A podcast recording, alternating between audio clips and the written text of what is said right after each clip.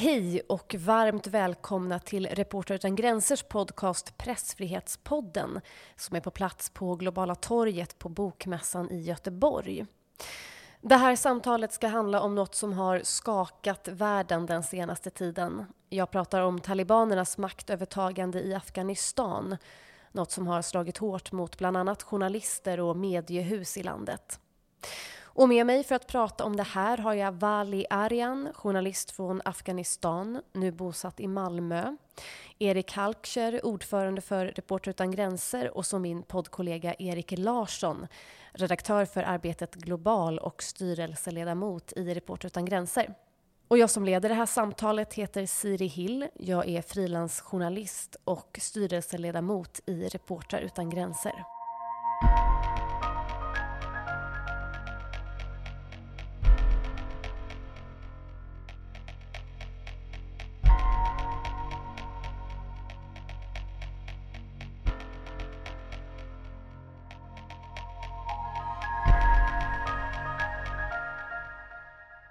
Valle, jag skulle först vilja vända mig till dig. Innan du kom till Sverige så jobbade du som journalist för den afghanska tv-stationen Tolo News TV. Och du var också den första afghanska tv-journalisten som rapporterade om de övergrepp som talibanerna begick mot befolkningen i Kunduz-provinsen.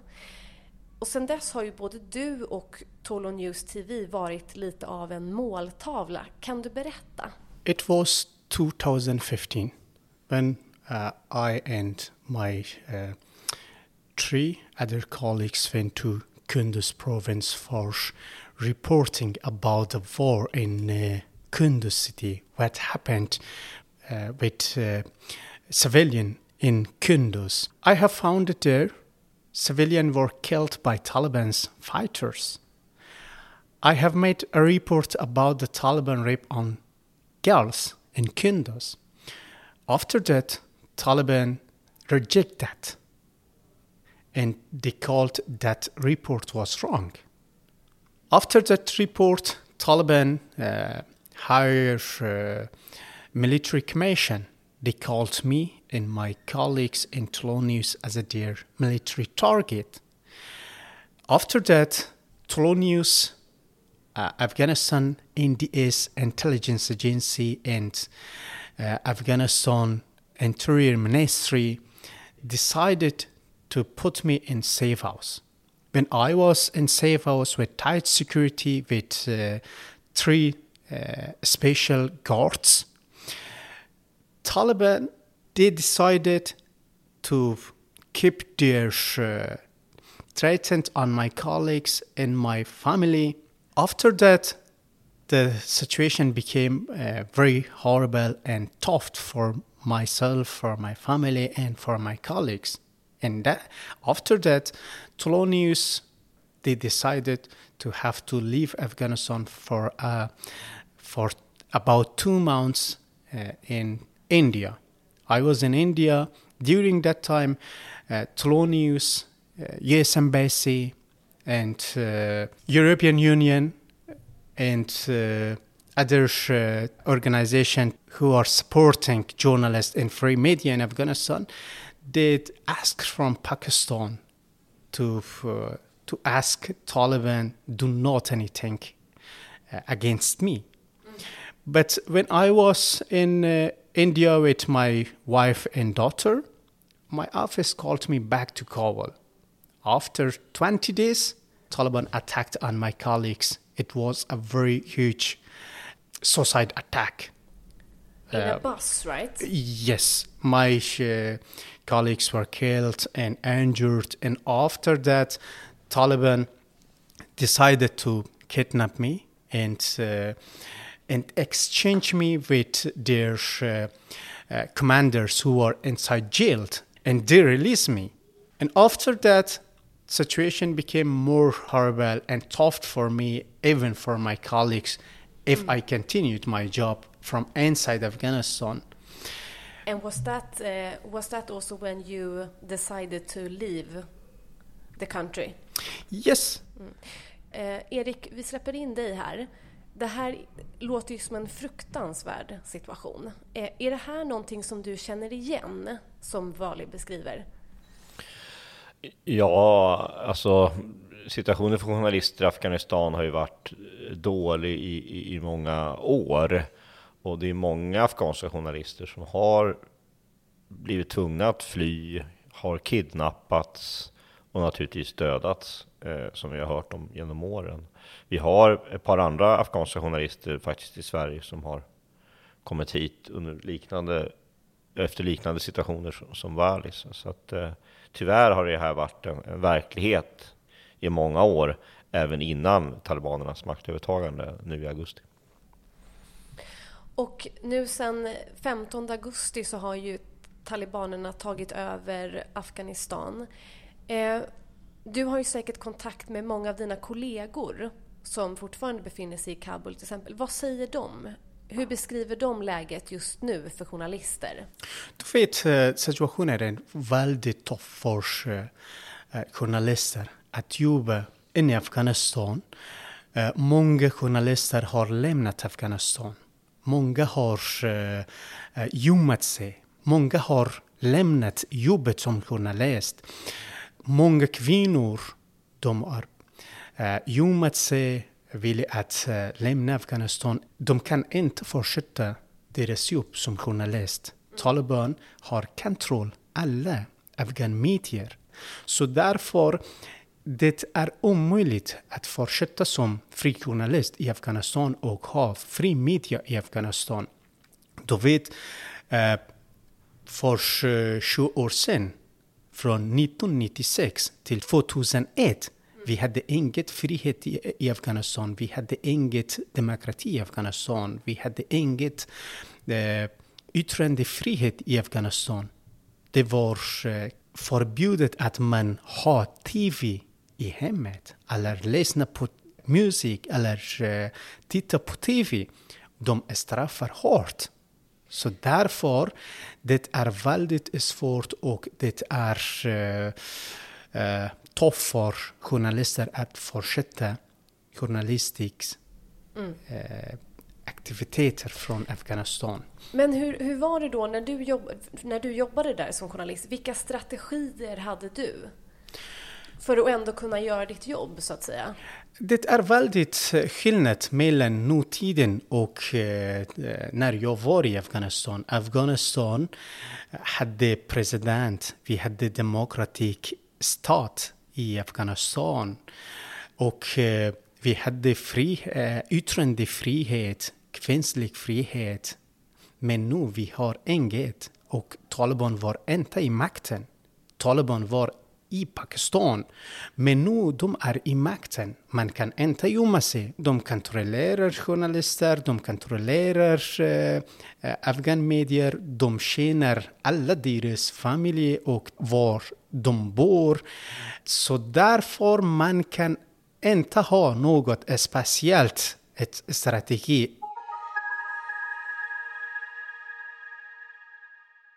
Ali, jag tänkte på en sak. Alltså, sen 2017 så bor du i Malmö på ett eh, så kallat fristadsstipendium.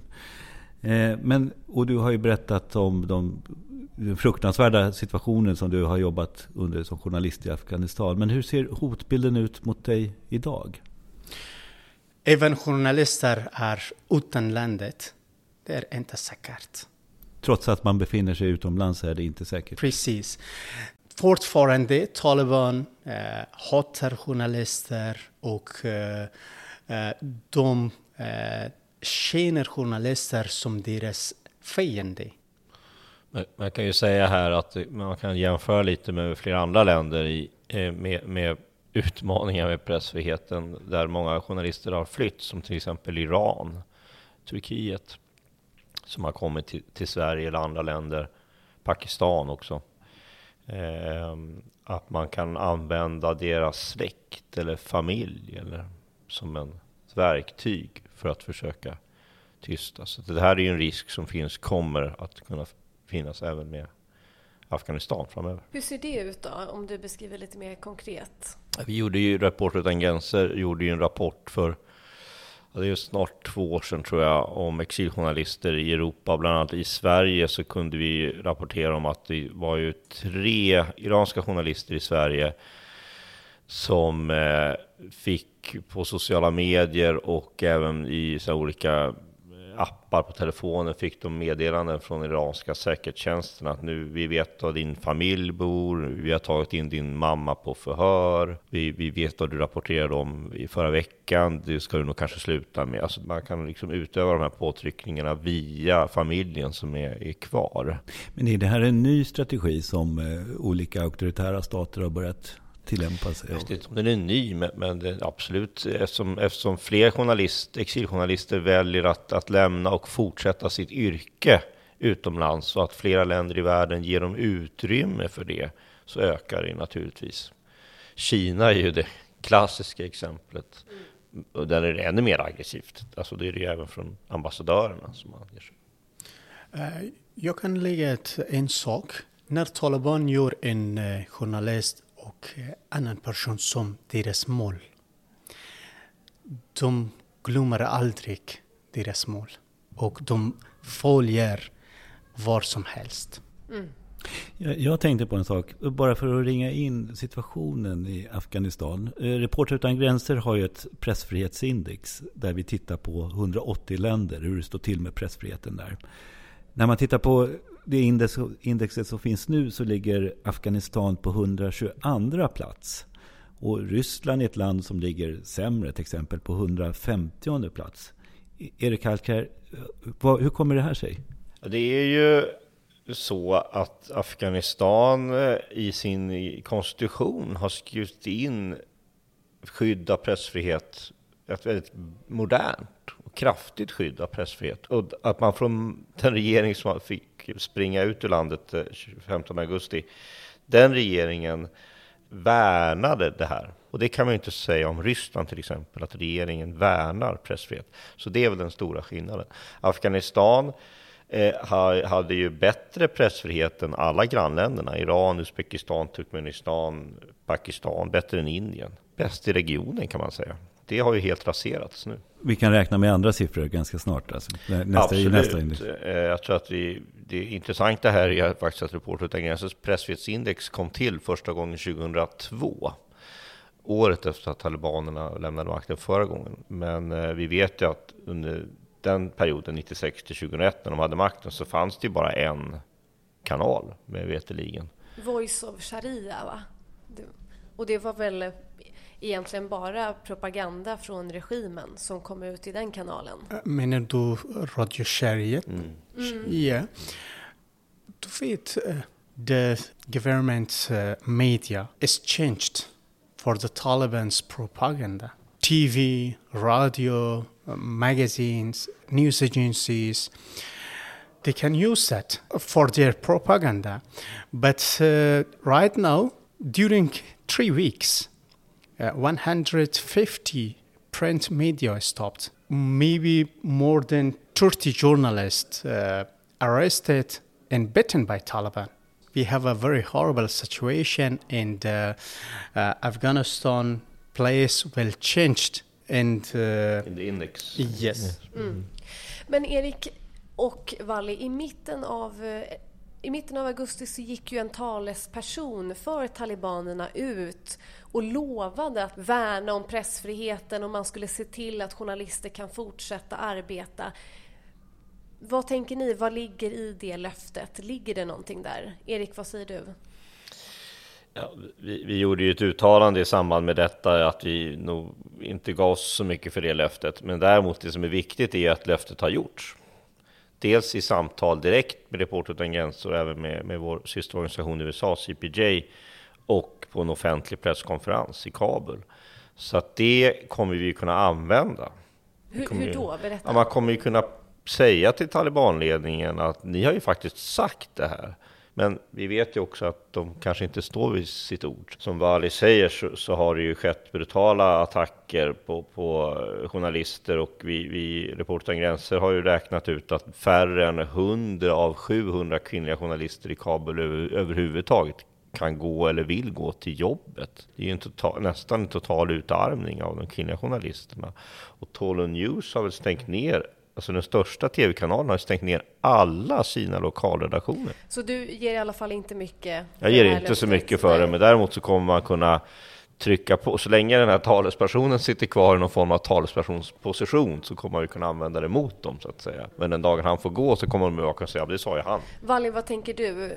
Vad, vad, tänkte du när du hörde det här löftet? Eh, jag litar inte på Talibans uh, uh, lovat.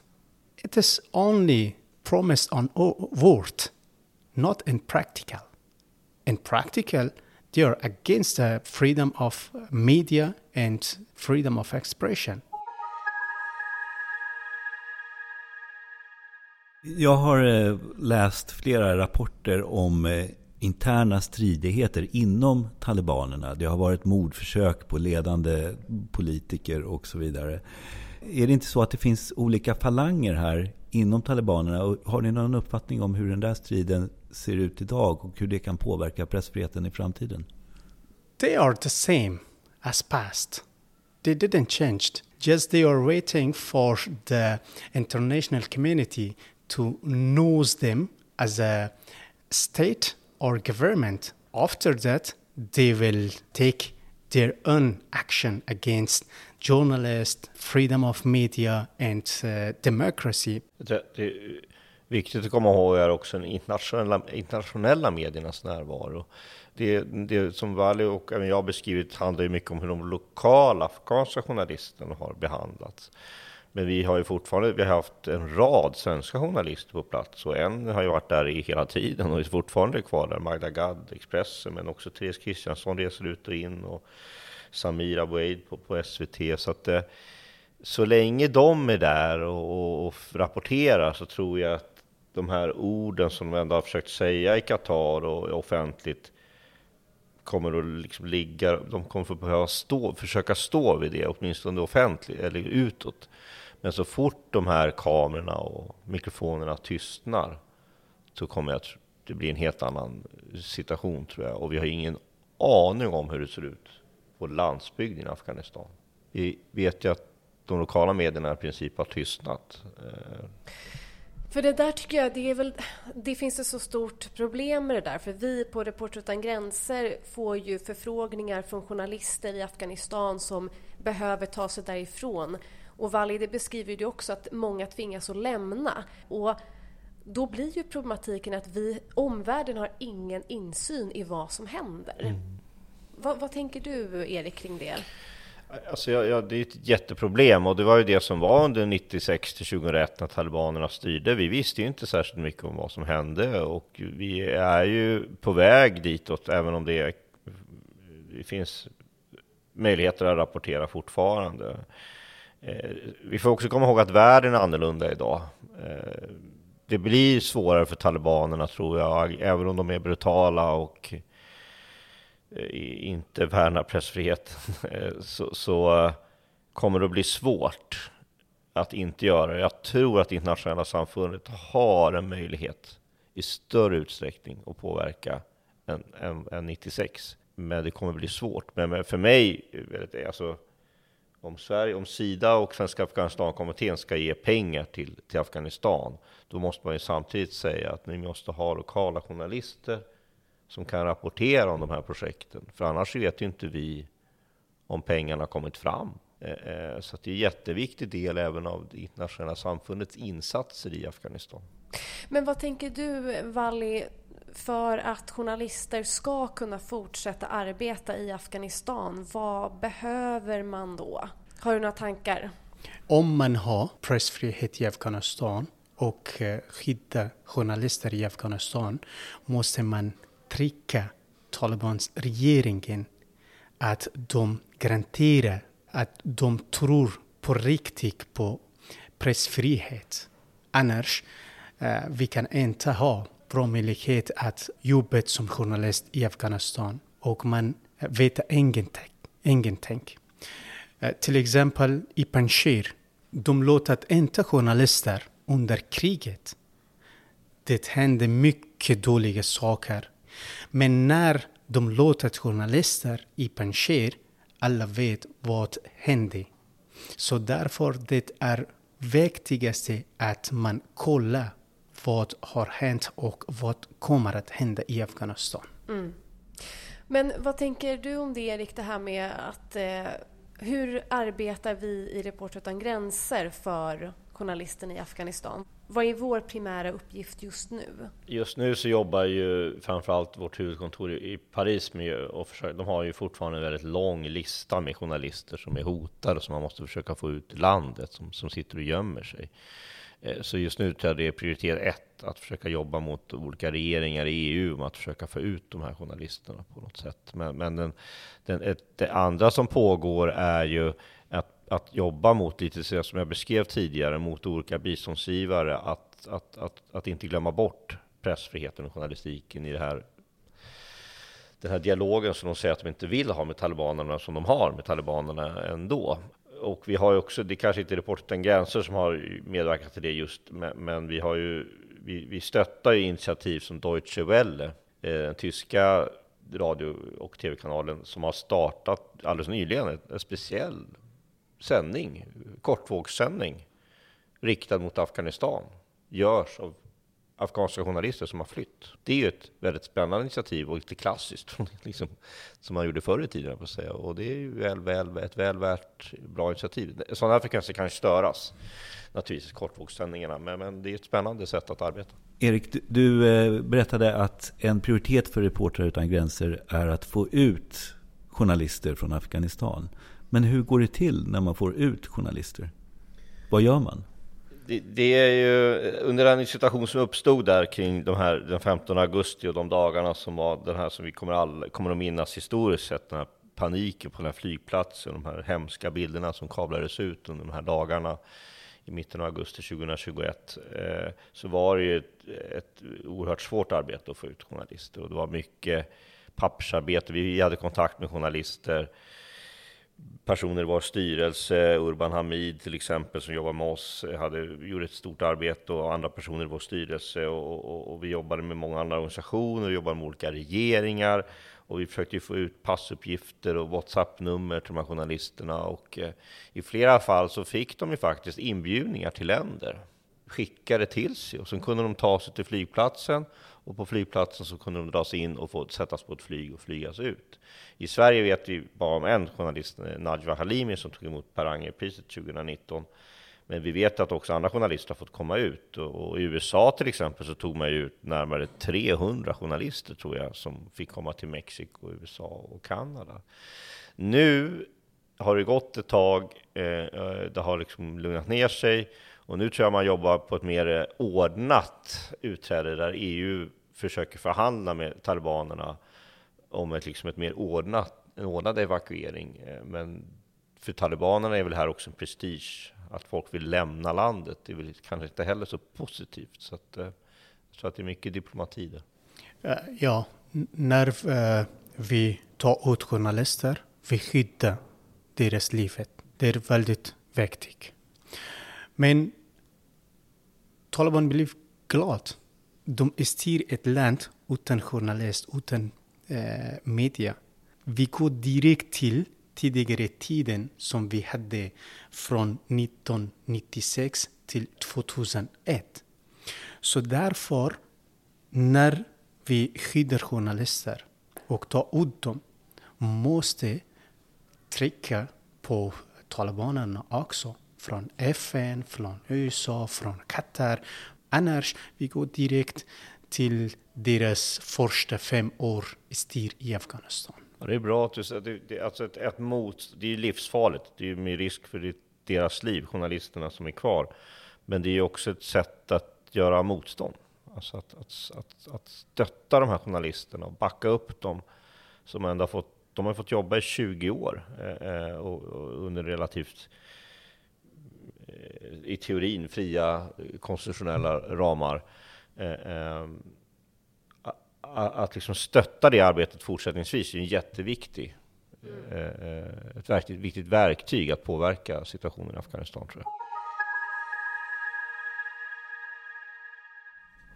Men om ni skulle säga lite grann, eller spå lite grann om den närmsta framtiden i Taliban. Jag vet att man ska vara försiktig med spekulationer, men ni två är ju båda experter på det här ämnet. Och jag undrar, hur, vad tänker ni om den närmsta tiden? Hur, vad tror ni utvecklingen kommer bli? Kommer det bli tuffare eller kommer det att att fortsätta som idag eller kommer det att mildras?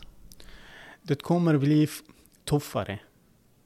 Man kan inte jobba som journalist som eh, eh, fri media i Afghanistan. De kontrollerar och de har kontroll på även på fri media i Afghanistan. Så därför eh, det blir svårare, svårare och tuffare för journalister och eh, fri media i Afghanistan. Som Erik sa, Tulu eh, News är största tv-kanalen i Afghanistan men har förlorat 90 procent av deras eh, anställda. De har bara en eh, flicka som, som jobbar på Tolo TV och några, tre eller fyra eh, flickor på Tolo News. Men andra anställda, de har alla lämnat landet och har lämnat eh, yrket. Så därför det blir tuffare. Mm. Det är ju, vi gjorde ju en rapport här om året också, Reportrarna gränser om Jemen.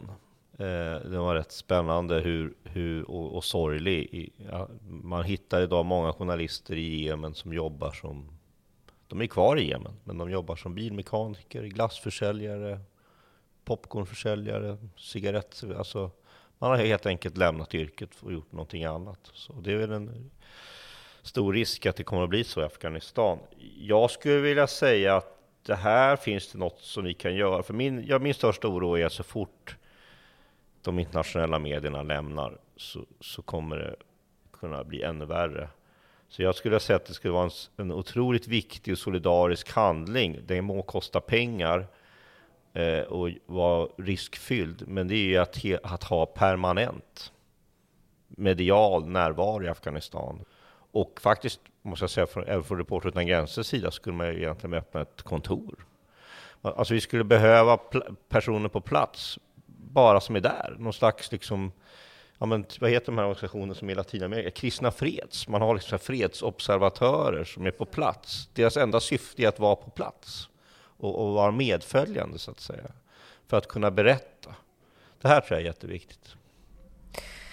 Men eh, vi, försöker, vi fortsätter ju från Reportrar utan gränser sida att jobba med den här frågan eh, och trycka på för förändring.